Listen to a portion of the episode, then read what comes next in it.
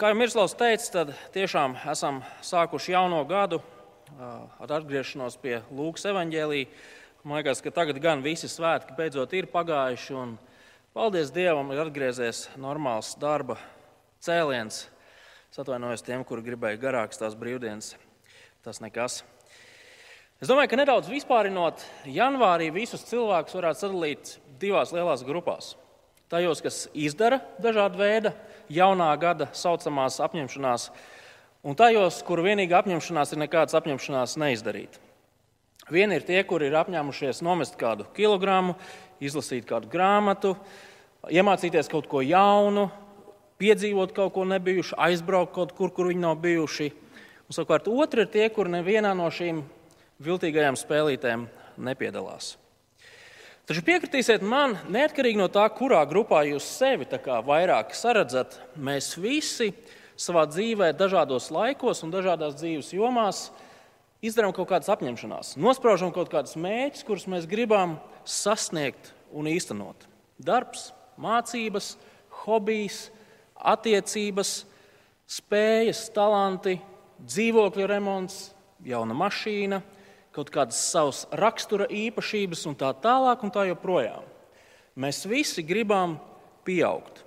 Mēs visi plānojam un domājam par to, kā mēs varam attīstīties, kā mēs varam atrisināt kādu, varbūt ielgušu, praktisku vai citādu veidu problēmu, atbildēt uz kādiem neatbildētiem jautājumiem.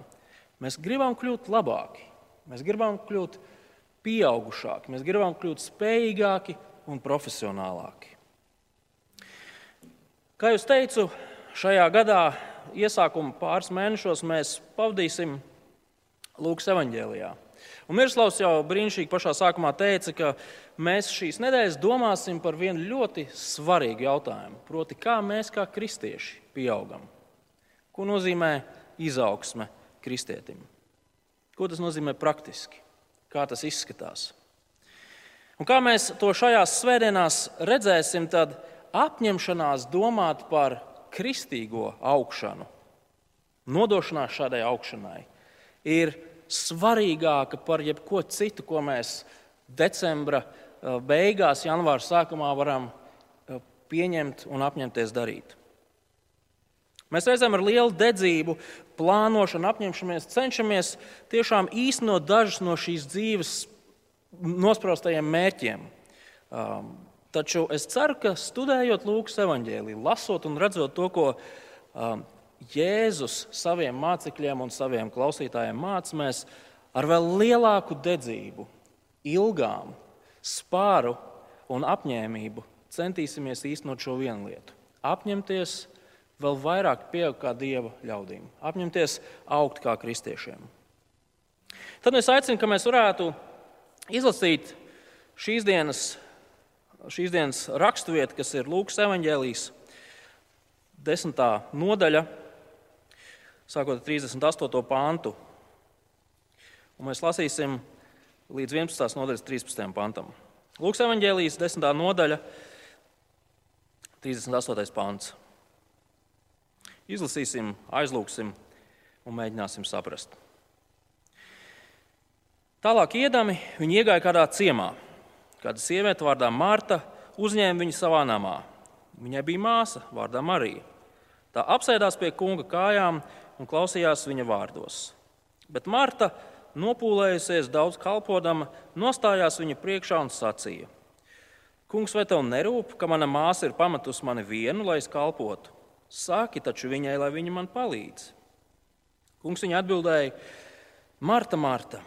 Tu par daudz ko esi norūpējusies un satraukusies, bet ir tikai viena lieta nepieciešama. Marija sev izvēlējusies labāko daļu, tā viņai netiks atņemta.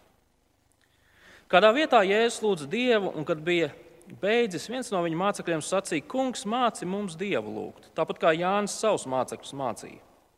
Viņš tiem sacīja: Kad jūs lūdzat, sakiet, Tēvs, svētīts lai top tavs vārds, lai nāk tava valstība, mūsu dievišķo maizi dod mums ikdienas un piedod mums mūsu grēkus, jo mēs piedodam ikvienam savam parādniekam un neieved mūsu kārdināšanā.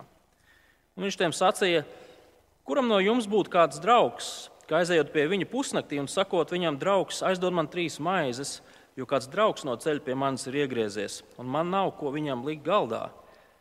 Bet tas no iekšpuses sacītu, neapgrūtina mani, durvis jau ir aizslēgtas, un mani bērni ir pie manis gultā. Es nevaru celties un tev ko dot. Es jums saku, ja arī viņš neceltos un nedotu tādēļ, ka tas ir viņa draugs, tad tomēr tā uzstājības dēļ viņš celsies un dos tam, cik nepieciešams. Arī es jums saku, lūdziet, jums tiks dots, meklējiet, un jūs atradīsiet, klaudziniet, un jūs, jums atvērs. Ik viens, kas lūdz, saņem, kas meklē, atrod, un tam, kas klaudzina, atvērs. Vai starp jums ir tēvs, kas dēlam dos čūsku, ja tas lūgs zivi, vai skorpionu, ja tas lūgs olu? Ja nu jūs samaitāti būdami, zināt dot saviem bērniem labas dāvanas, cik daudz vairāk jūsu tēvs no debesīm dos svēto garu tiem, kas viņu lūdz. Tas ir Dieva vārds. Amen. Lūksim. Debes Tēvs, visi tavi vārdi ir patiesība un palīdz mums šajā pēcpusdienā šos tavus vārdus pārdomājot, augt mūsu izpratnē, augt mūsu ticībā un dievīgā dzīvošanā. Tēvs, par spīti tam, ka pēcpusdiena varbūt ir tāds miegaināks laiks, lūdzam, lai mēs visi spētu um, koncentrēties, vērst savu uzmanību uz vārdiem, ko Jēzus saka saviem mācekļiem. Palīdz arī man runāt skaidri un saprotami. Amen. Šī sadaļa Lūkas evanģēlijā, kur iesākās ar šīs dienas raksturvietu, turpinās līdz pat 13. nodaļas 21. pantam. Un, kā mēs redzējām, šis pats sākums sākas ar tādu kā mācekļu vēlmi pieaugt. Un šīs, šīs Lūkas evanģēlijas sadaļas noslēgumā mēs savukārt redzam divas pavisam īsas līdzības, kas runā par to, kā tad notiek Dieva valstības augšana. Un viss tas, kas ir pa vidu starp šīm divām augšanām, kaut kādā veidā arī ir saistīts ar mācekļu un Dieva valstības augšanu. Un šajā pirmajā raksturvietā, kas ir mūsu priekšā, Jēzus patiesībā pasaka kaut ko ļoti vienkāršu. Pavisam vienkārši. Būt par kristieti jeb Jēzus mācekli, nozīmē palikt viņa vārdā un lūgšanās. Kristieša dzīves un augšanas pamatā atrodas palikšana, klausīšanās Jēzus vārdos un lūgšanas. Tas ir visa pamats, tas ir tas, bez kā augšana nevar notikt. Ja gribat, tā ir visa augšanas noslēpuma un panākumu atslēga. Ja šī nav, tad ir bēdīgi. Tad aplūkosim šīs monētas abas puses - palikšanu Jēzus vārdos un, un, un pārliecības pilnas lūgšanas. Sāksim ar palikšanu Jēzus vārdos. Mēs redzam, ka Jēzus saviem mācekļiem ceļā uz Jeruzalemi, tas ir tas, uz kurieni viņi beig, beigās arī kur viņi nonāks. Viņi nonāk kādā ciematā, kurā dzīvo divas māsas, Marta un Marija. Un Jāņa evanģēlijā mēs zinām, ka ir arī, viņām ir arī brālis Lācars. Un šīs māsas Jēzu uzņem savā namā. Un vārds uzņemt ir tāds, tāds pateicīgs vārds, jo šis vārds vienmēr Lūkas evanģēlē saistās ar Jēzus vārdu uzņemšanu. Cienījamiem sakot, šīs māsas viņas uzņēma Jēzu tādēļ, ka viņas ticēja un pieņēma to, ko Jēzus viņām mācīja. No tā mēs varam secināt, ka šīs divas sievietes bija viens no pirmajiem Jēzus mācekļiem. Taču šī vizīte Martas un Marijas namā gandrīz vai izvērtās par vietēja mēroga skandālu. Redziet, tā laika pāražas pieprasīja, ka par ciemiņiem kārtīgi rūpējās. Mūsdienās jau tas arī laikam tā notiek, vismaz vienmēr, kur es esmu ciemojies. Cilvēki man ielaiž iekšā un sēdies tur, redz, kur tēja vai kafija. Bet tajos laikos tas bija daudz, daudz, daudz fundamentālāk. Tajā laikā, jo svarīgāks bija ciemiņš, jo vairāk nama tēvs, nama māte bija gatavi līst ārā no savas ādas, lai rūpētos par to, lai ciemiņam nekas netrūkst, lai kājas būtu nomazgātas, mute būtu nomazgāta, viņš būtu paēdis, atpūties. Un tad, kad viņš iet projām, viņam vēl iedeva līdzi ēdamo, jo kas to lai zina, kad tajā laikā viņš varēs nākamo ēdienreizi baudīt. Un Jēzus bija sabiedrībā pazīstams cilvēks. Tādēļ mūs nepārsteidz tas, ka Marta tiešām rukā un raujās, tīra un bērž un gatavo, lai parūpētos par šo ciemiņu, lai parūpētos par Jēzu. Un tādēļ tīri cilvēcīgi mums liekas, ka Marija, viņas māsa, pārkāpj jebkādas pieklājības un sociālās normas, kas tajā laikā valdīja. Marta strādā, ko pa to laiku dara Marija? Viņa vienkārši sēž pie Jēzus un klausās tajā, ko Jēzus viņai māca. Un mēs varam saprast to, kāpēc Marta ir tik sašutusi pareizi. Viņa grib parūpēties par Jēzu. Viņa grib, lai viņam nekas netrūkst, bet viņas māsa tikmēr slaistās. Un mēs varam iztēloties, ka šis, šis um, īsais stāsta apraksts viņš īstenībā ir daudz garāks. Mēs varam iztēloties to, kā Marta dažādos veidos, iespējams, to savu māsu mēģina saukt uz virtuvi un uz aku pēc ūdens un visu pārējo.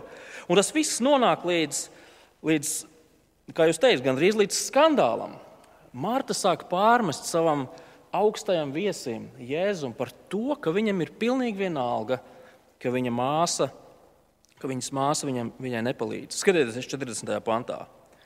Marta, nopūlējusies, daudz kalpodama, nostājās viņa priekšā un sacīja: Kungs, vai tev nerūp, ka mana māsa ir pametusi mani vienu, lai es kalpotu? Saki taču viņai, lai viņa man palīdz. Vai jūs varat iztēloties vēl neveiklāku situāciju? Iespējams, kāds no jums ir bijis ciemos pie kādas ģimenes, kur pēkšņi nevienam pat nenojaušot pie vakariņu galda sāk mazgāt netīro veļu ģimene sāk risināt savas problēmas. Un, lai visu padarītu vēl ļaunāku, ciemiņi tiek ievilkti šajā strīdā iekšā. Kurā pusē tu nostājies? Tas, ko mēs šeit lasām, nedaudz līdzinās tiem pa krievu kanāliem redzamajiem attiecību šoviem, kurus es starp citu neskatos, bet nu, jūs zinat, par ko es runāju. No vienas puses, mums var likties, ka Marta ir taisnība. Pats kungs ir atnācis un viņas māsa slinko un slaistās. Taču Jēzus atbilde ir ļoti pārsteidzoša. Vai jūs pamanījāt 41. pantā? Kungs viņai atbildēja: Marta, Marta, tu par daudz ko esi norūpējusies un satraukusies, bet ir tikai viena lieta nepieciešama. Marija sev ir izvēlējusies labāko daļu. Tā viņai netiks atņemta. Draugi, Jēzus mīl abas māsas. Mēs neesam tur, mēs, mēs, bet mēs varam nojaust to, kādā tonī Jēzus runāja ar Martu. Marta, Marta. Un tas, tas, ko Jēzus saka, viņš viņai nesaka tās lietas, ko tu dari manā labā, ir sliktas, nepareizas vai nenozīmīgas. Nē, taču Jēzus Martai aizrāda to, ka ir viena daudz svarīgāka lieta, daudz nepieciešamāka lieta, kuru viņa ir atstājusi novārtā. Šī epizode ļoti skaidri mums visiem māca to, ka klausīšanās Jēzus vārdos ir vissvarīgākā lieta, ko kristietis var darīt. Klausīšanās Jēzus vārdos nedrīkst notikt tad, kad visas citas lietas, visi citi darbi ir apdarīti. Klausīšanās Jēzus vārdos nedrīkst būt kaut kas tāds, ko mēs iespiežam kaut kur, kaut kad savā aizņemtajā dzīvēm. Tad, kad viss ir izdarīts, tad mēs beidzot apsēdīsimies un paklausīsimies tajā, ko Jēzus saka. Es katru pirmdienu sāku ar to, ka apsēžos pie savu darbu galda un, un apdomāju un pārdomāju, kas man šajā nedēļā ir tās svarīgākās lietas, kas man ir jāizdara un kas ir tās mazāk svarīgās lietas, kuras var pagaidīt. Un tad katru trešdienu es atkal atgriežos pie tā paša plāna, jo es jau otrdien esmu aizgājis prom no šīs apņemšanās, darīt svarīgāko vispirms. Taču Jēzus saka, ir tikai viena lieta, kas ir nepieciešama, kas ir būtiska. Tas ir klausīties manā, manos vārdos. Un, draugi, nepārprotiet, Jēzus šeit nerunā par to, ka mums vairs nekas cits nav jādara. Jēzus šeit nemēģina iedot uh, viegli izēja visiem tiem, kuriem patīk slinkot, un tad, kad viņiem kāds pārmet, tad viņi tādā nevainīgā balsī saka, Klau, kāpēc tu man pārmet? Es šajā brīdī klausos Jēzus vārdos. Tā ir pati svarīgākā lieta. Draugi, Jēzus neko tādu nemāca. Jēzus nemāca neko nedarīt. Taču tas, ko Jēzus šeit māca, ir prioritātes kristiešu dzīvē. Jēzus šeit runā par to, kas ir vissvarīgākais un to, kas ir svarīgāks. Un vissvarīgākais nāk pirms tā, kas ir svarīgs. Jēzus vēlas, lai mēs šodien lasot šo atgadījumu, par savu piemēru ņemtu Mariju. Marija bija cilvēks, kura uzmanīgi sēdēja un klausījās, tad, kad Jēzus runāja. Viņa neskrēja, necepa, nevārīja, viņa sēdēja un klausījās. Visa viņas uzmanība tajā brīdī bija vērsta uz to, ko Jēzus mācīja. Un tas, protams, ir izaicinājums mums. Ja Lūka grib, lai Marija būtu mūsu piemērs, liels jautājums, vai Marija ir mūsu piemērs, vai Marija raksturo arī to, kā mēs klausāmies. Vai varbūt laiks, ko mēs veltam Jēzum un viņa vārdiem, Dieva vārdam, ir tās piecas, desmit minūtes, kuras mēs vienkārši skrējienā savā aizņemtajā dzīvē kaut kur ieliekam. Un ja mēs savā ikdienā neklausāmies Jēzus vārdos, ar mums kā kristiešiem pavisam noteikti nav kaut kas kārtībā. Un patiesībā viss Lūkas evaņģēlijs jau no pirmajām nodaļām līdz pat pašām beigām nepārtraukti savam lasītājam liek ieraudzīt to, cik svarīgi, cik izšķiroši ir mācīties Jēzus vārdos, cik svarīgi ir klausīties tajā, ko Dievs caur savu vārdu saka. Piemēram, Lūkas evanģēlijas 6. nodaļa, 46. līdz 48. pāns. Kādēļ jūs mani saucat, kungs, kungs, bet nedarāt, ko es jums saku? Ik viens, kas nāk pie manis un dzird manus vārdus un dara pēc tiem, es jums rādīšu, kam viņš līdzinās. Viņš līdzināms nama cēlājiem, kas raka dziļi un pamats lika uz klints. Kad plūdi nāca, straumes triecās pret namu, bet nespēja to izkustināt, jo tas, jo tas bija pamatīgi celts. Klausies Jēzus vārdos un cel savu dzīvi uz šīs stiprās klints. Vai, piemēram, 8. nodaļa, 15. pāns tajā pašā Lūkas evanģēlijā. Bet kas sēdz labā zemē, ir tie, kas vārdu dzird un glabā to krietnā labā sirdī, un augļus nes pacietībā. Dzird, noglabā un pacietībā nes augļus. Vai, piemēram, 9. nodaļas 35. pāns. No padebeša atskanēja paša dieva balss. Šis ir mans izredzētais dēls. Klausiet viņu. To, ko viņš jums saka, to ņemat vērā. Un mēs varētu lasīt vēl citas raksturvietas, bet mēs to laika dēļ nedarīsim. Bet mēs redzam, ka visas kā viena šīs raksturvietas ved vienā virzienā. Klausīšanās Jēzus vārdos ir ļoti, ļoti svarīga. Tas ir tas, ar ko sākas mūsu garīgā dzīve. Un tas, ar, tas ir tas, ar ko mēs augam kā kristieši. Un šī klausīšanās nav tāda, kā mēs reizēm skolas gados atceramies. Um, dzirdējām, ko skolotāji teica, un aizmirsām. Aizgājām mājās un spēlējām ar draugiem futbolu. Nē, šī klausīšanās ir tā klausīšanās, kur, kuras kvalitāte raksturo tas, ka mēs reāli paturam šos vārdus savā sirdī un cenšamies dzīvot saskaņā ar to, kas mums tiek mācīts. Tas ir tik vienkārši, vai ne? Jēzus māceklis, kristietis, ir cilvēks, kurš paliek Jēzus vārdos, kurš paliek Dieva vārdā. Un Jēzus mācekļu, jeb kristiešu augšana notiek tad, kad kristieši paliek Dieva vārdā. Lasa Dieva vārdu, pārdomā Dieva vārdu. Tik vienkārši. Bet tas nav viegli. Vienkārši, bet neviegli. Martai ir jāmācās tas, ka klausīšanās Jēzus vārdos ir daudz svarīgāka par visām citām vajadzībām, lai cik spiedošas tas arī nebūtu. Veltīt laiku Dieva vārdam nozīmē to, ka tas, ir, tas, tas laiks nav zemē nomests. Mums reizēm liekas, ka tā ir, bet Jēzus Marijai Mariju paslavē, ne viņas daļa paliks, tā netiks viņai atņemta. Laiks, ko mēs pavadām Dieva vārdā, nav zemē nosviests laiks. Nekas cits, ko mēs tajā laikā būtu darījuši, nav tik vērtīgs kā tas, ka mēs esam bijuši Dieva vārdā. Draugi, Dieva valstība aug tad, kad kristieši turās Dieva vārdā. Citas aktivitātes, kalpošanas, lai cik cēlas un labas un vērtīgas tās nebūtu, neaudzē Dieva valstību. Tikai un vienīgi tas, ka kristieši paliek Dieva vārdā. Man pat kauns ir to teikt, bet mūsu kabinetā, draudzes birojā, ir tikai viens telpauks. Tas ir kaut kāds ķērpis, es pat nezinu, kā viņu sauc. Tas ir ļoti ērts augs, jo viņš izskatās, nevar saprast, vai viņš ir dzīves vai viņš ir miris. Viņš tiek regulāri laistīts reizi gadā, un viss ar viņu ir kārtībā. Tā teikt, ienākot un neprofesionāli uzmetot acis, liekas, ka tas audziņš ir ļoti smuks. Vai cits piemērs, mēs, kas esam vecāki, mēs zinām to, cik svarīgi mūsu bērniem ir dot tos brokoļus, burkānus un visu pārējo, kas ir veselīgs, un, un cik nopietni mums ir jāpiedomā pie tā, cik kilogramus saldumu mēs viņiem ļaujam likt māgā. Ko es ar to gribu pateikt? Redziet, ik vienai dzīvībai, vai tas būtu ķērpis uz palodzes, vai tie būtu bērni un cilvēki, ir nepieciešams saņemt veselīgu, augšanai nepieciešamo uh, uzturvielu. Ja mēs gribam augt, mums ir jāsaņem viela, kas mums ļauj augt. Un tieši tas pats ir arī ar mūsu kristīgo izaugsmi.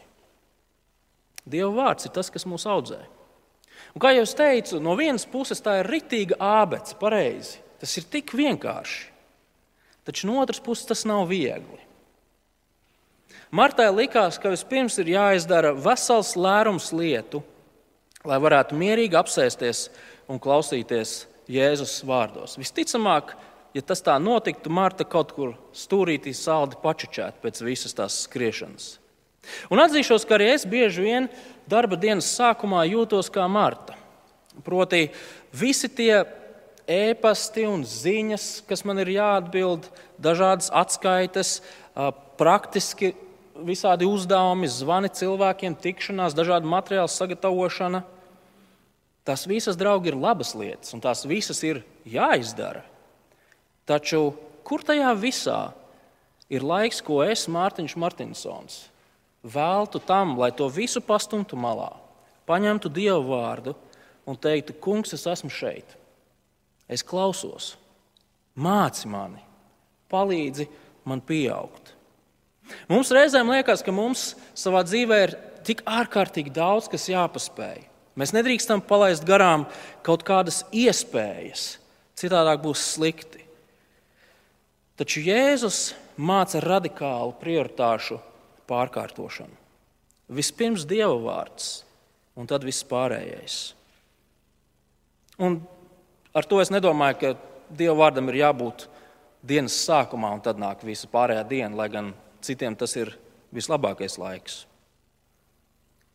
Ja Dieva vārds ir Dieva noteiktais veids, kā Dieva ļaudis pieaug, tad Dieva vārdam ir jākļūst par centrālu mūsu dzīvēm, ja mēs gribam pieaugt.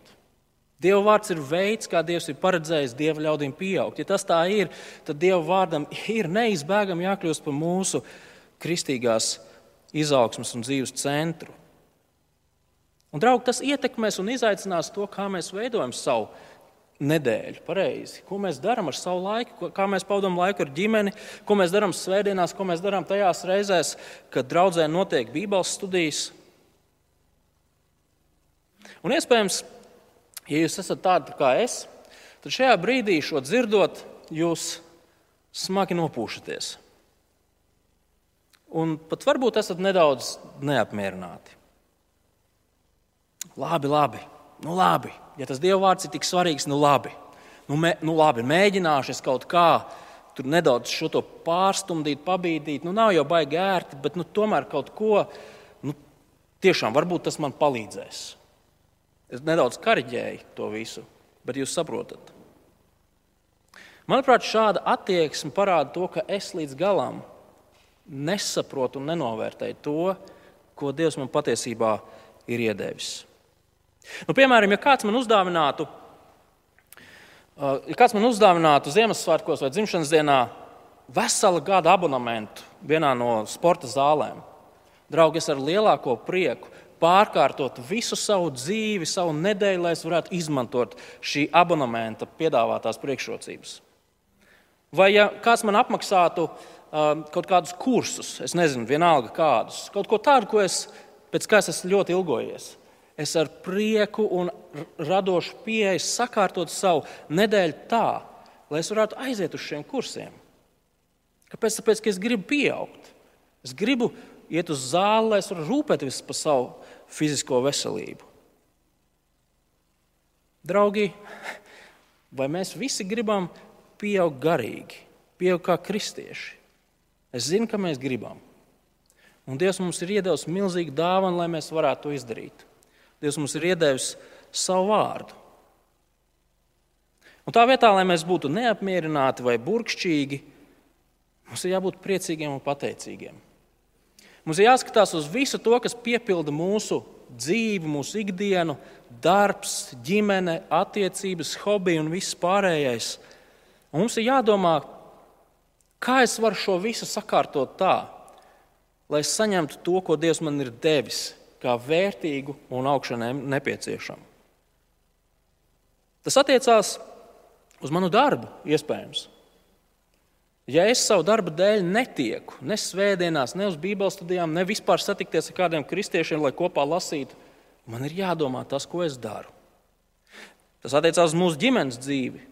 Ja, ja mūsu bērniem, un, un arī plašākā kontekstā, ir katru svētdienu ir spēles, izstādes, um, muzeja, dzimšanas dienas un viss pārējais, un arī pa nedēļu mēs paši esam aizņemti ar visu kaut ko, aicinājums ir kaut ko mainīsim.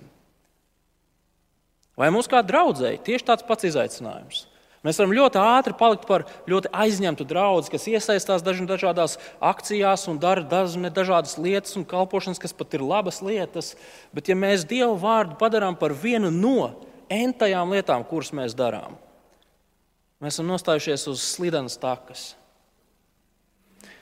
Jēzus pamācība ir tik vienkārša, bet tas, tas grūtums slēpjas tajā, ka tas prasa radikāli pārdomāt un pārkārtot to, ar ko mēs nodarbojamies. Gan kā kristieši, gan kā draugi savā ikdienā. Kur mūsu dzīvē atrodas sēdēšana un klausīšanās mūsu kunga vārdos? Vai es varu, es pats sevi izaicinu, bet vai, vai es varu izaicināt arī jūs visus šo gadu sākot domājot par visu citu, ko jūs vēlaties sasniegt, vissvarīgāko lietu nolikt šīm lietām pašā priekšā. Gādāsim par to, lai mūsu nedēļas dzīve būtu Dieva vārda piepildīta. Lasīsim to vienatnē kopā ar citiem kristiešiem, vai nu divatā, vai Bībeles studijās. Piedalīsimies dievkalpojumos, Nevajadzētu būt šeit nevienai brīvai vietai likuma robežās. Mums visiem vajadzētu nākt uz šejieni. Ja nē, tad mēs ieslēdzam un skatāmies tiešraidi. Lai kā arī nebūtu.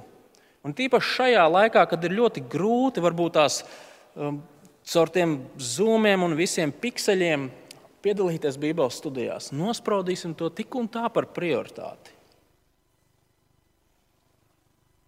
Ja jums ir kādi jautājumi, kā praktiski to darīt, es netērēšu laiku šodien šeit, bet jūs varat pēc dievkalpojuma droši ar mani sazināties.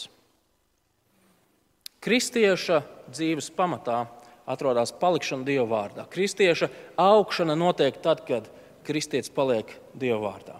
Tā ir pirmā lieta. Un otrā lieta - kristieša dzīves pamatā ir lūkšanas. Pārliecības pilnas, dedzīgas lūkšanas.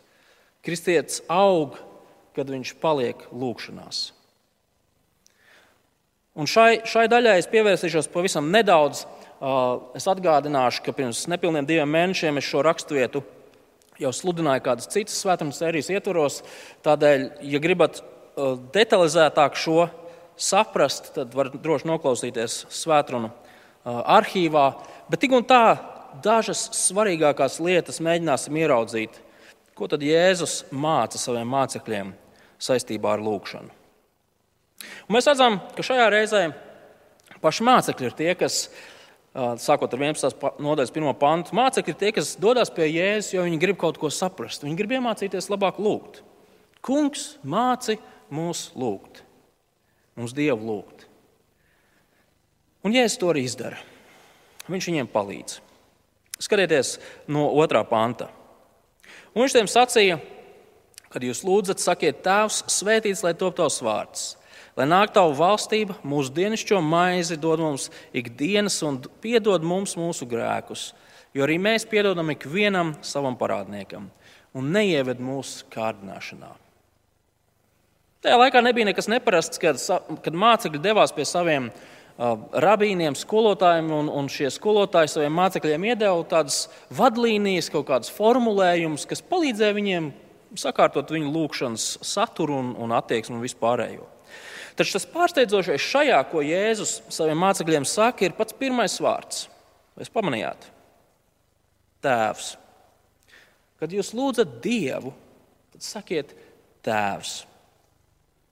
Kad jūs lūdzat šo Dievu, šo visvareno pasaules radītāju, visuma uzturētāju, mūžīgo, nemainīgo, visu zinošo, visu spējīgo, visu pārvaldošo, to, kurš zināja, kā visas lietas beigsies, kad vēl tās nebija sākušās. To, kura priekšā visai radībai, cilvēks ieskaitot, ir jādrab un jābīstās. Šo Dievu jūs varat saukt par savu tēvu. Un tas nozīmē, ka Jēzus saka, ka jūsu attiecības ar Dievu ir ļoti personiskas, ļoti tuvas, ļoti intīmas. Tās raksturo mīlestība, rūpes, gādība. Tas ir tas, kas stāv jums pretī, kad jūs Dievu lūdzat. Un tas ir iespējams tikai un vienīgi tādēļ, ka Jēzu Kristu mums ir pieejama grēku piedošana un miers ar Dievu, izlīgums ar Dievu. Un, draugi, tam vajadzētu ietekmēt to, kā mēs lūdzam. Mēs nelūdzam kaut kādam bezpersoniskam kosmosa spēkam. Mēs nelūdzam tādēļ, ka mums vajag atzīmēt tajā reliģisko darbiņu tabulā kārtējo ailīti ar ķeksīti. Nē, šīs attiecības ir unikālas attiecības. Ja jūs tā padomājat, tad nevienā pasaules reliģijā nekā tāda nav. Tas, kas ir dots mums caur Jēzu, ir kaut kas unikāls, kaut kas pārsteidzošs, nepelnīts, grandios, brīnišķīgs. Un šis varenais Dievs, viņš vēlas, lai mēs viņu lūdzam. Kāpēc? Tāpēc, ka viņš grib mums dot visu, kas mums ir nepieciešams. Viņš grib atbildēt mums, kā tēvs atbild saviem bērniem. Ļaujiet šai patiesībai sevi nosēsties. Visvarenais Dievs, mūsu Tēvs. Visvarenais radītājs, pasaules radītājs un tiesnesis, mūsu labais debesu Tēvs.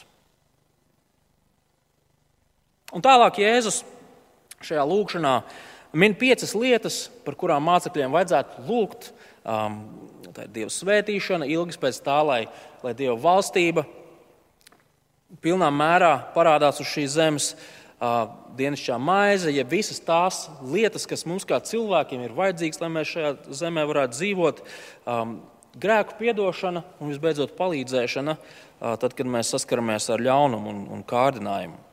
Un šoreiz, kā jau teicu, es atļaušos neiztirzāt šo tēvreiz, ja Jēzus mācītās lūkšanas saturu, bet ir svarīgi mums ieraudzīt to, ka Jēzus šeit savu mācekļu uzmanību vērš pie realitātes.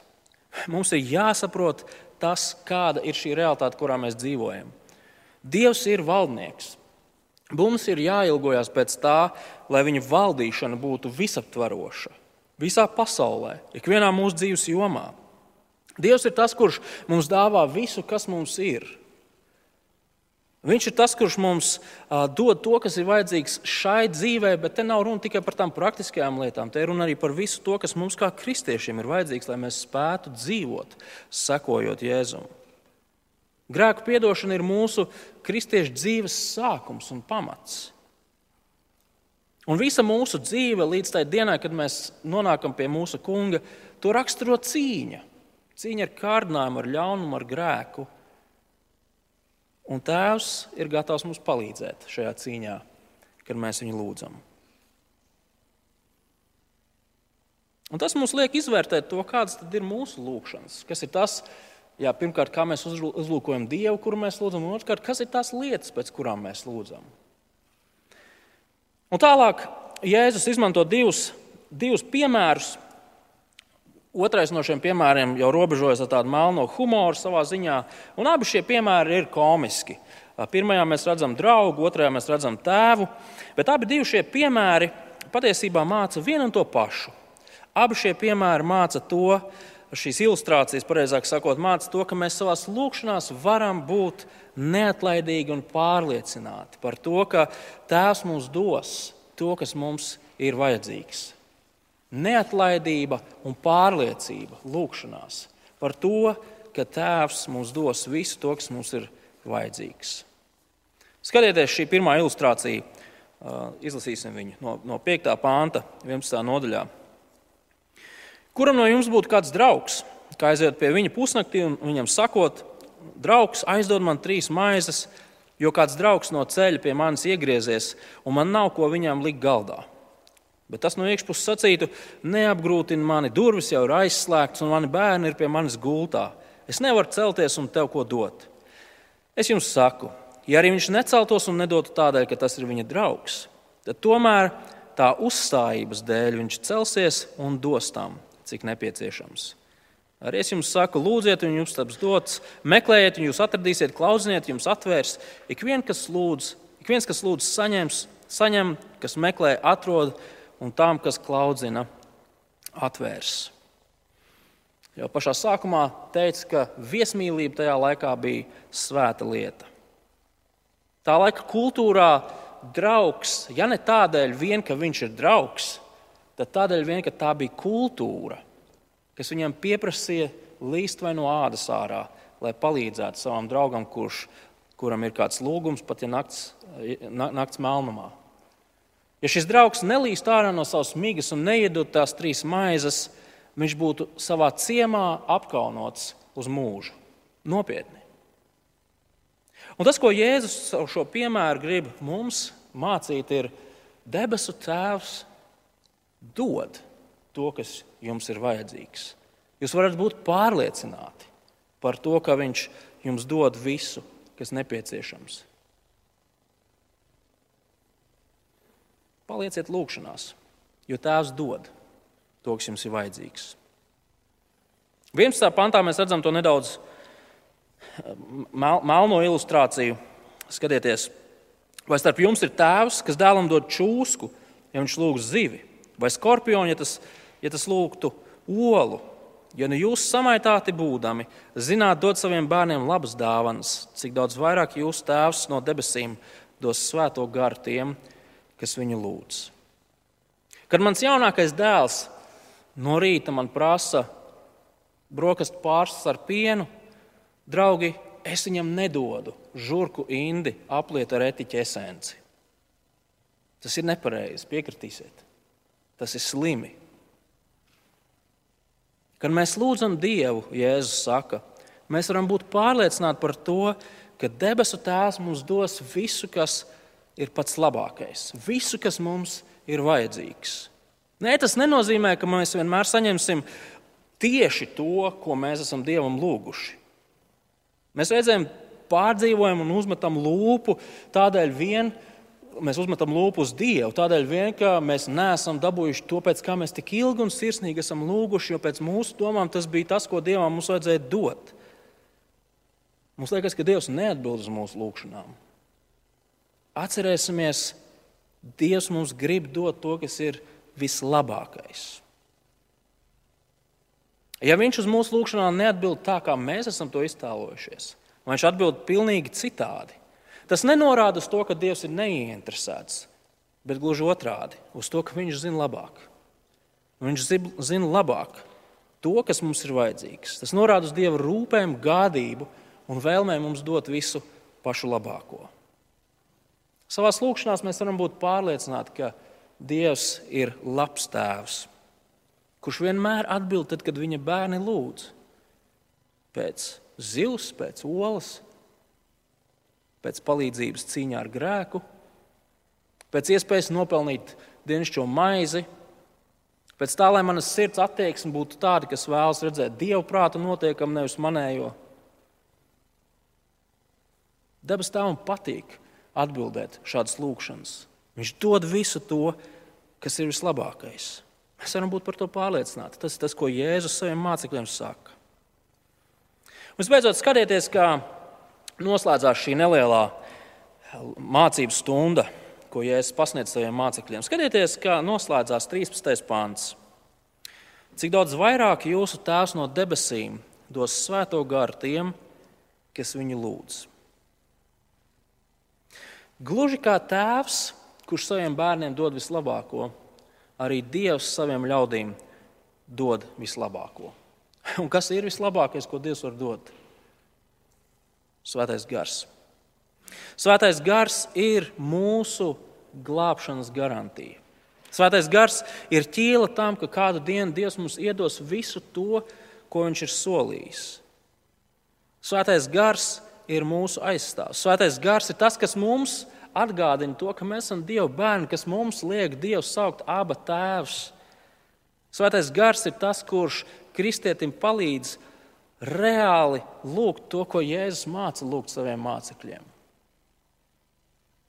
Draugi, šis pusteikums, ar ko Jēzus noslēdz savu sarunu ar mācekļiem, ir kā vislabākais, lielākais iedrošinājums mums visiem kas cenšamies likt Dievu vārdu pirmajā vietā, kas cenšamies neatlaidīgi lūgt Dievu kā savu tēvu. Kāpēc tas ir vislielākais iedrošinājums? Tāpēc, ka tas, ka mums ir svētais gars, nozīmē to, ka pats tēvs ir ar mums. Tas ir tēva gars, kas ir ar mums. Un to, ka Dievs ir ar mums, to nekas nevar mainīt. Tēvs mūs nekad neatstās, un nekad nepametīs. Tēva mīlestība uz mums nav atkarīga no tā, cik labi mums sanāk. Janvāra mēnesī apņemties lasīt Dieva vārdu vairāk, un tad mēs atkal klūpam. Draugi, tēva mīlestība tas neietekmē. Viņš mūs mīl.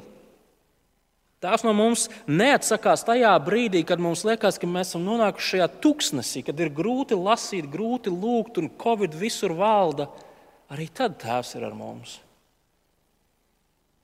Tēvs ir ar mums un Tēvs ir pār mums. Viņš mums ir devis visu nepieciešamo, lai mēs kā kristieši augtu. Tāpēc būsim neatlaidīgi. Savā dzīvē par vissvarīgāko noliekot tās iespējas, kad mēs varam klausīties tajā, ko Dievs māca. Būsim neatlaidīgi un pārliecināti tad, kad mēs lūdzam savu debesu Tēvu. Kurš no jums ir gatavs pieņemt šo jaunā gada izaicinājumu un apņemšanos. Lūksim.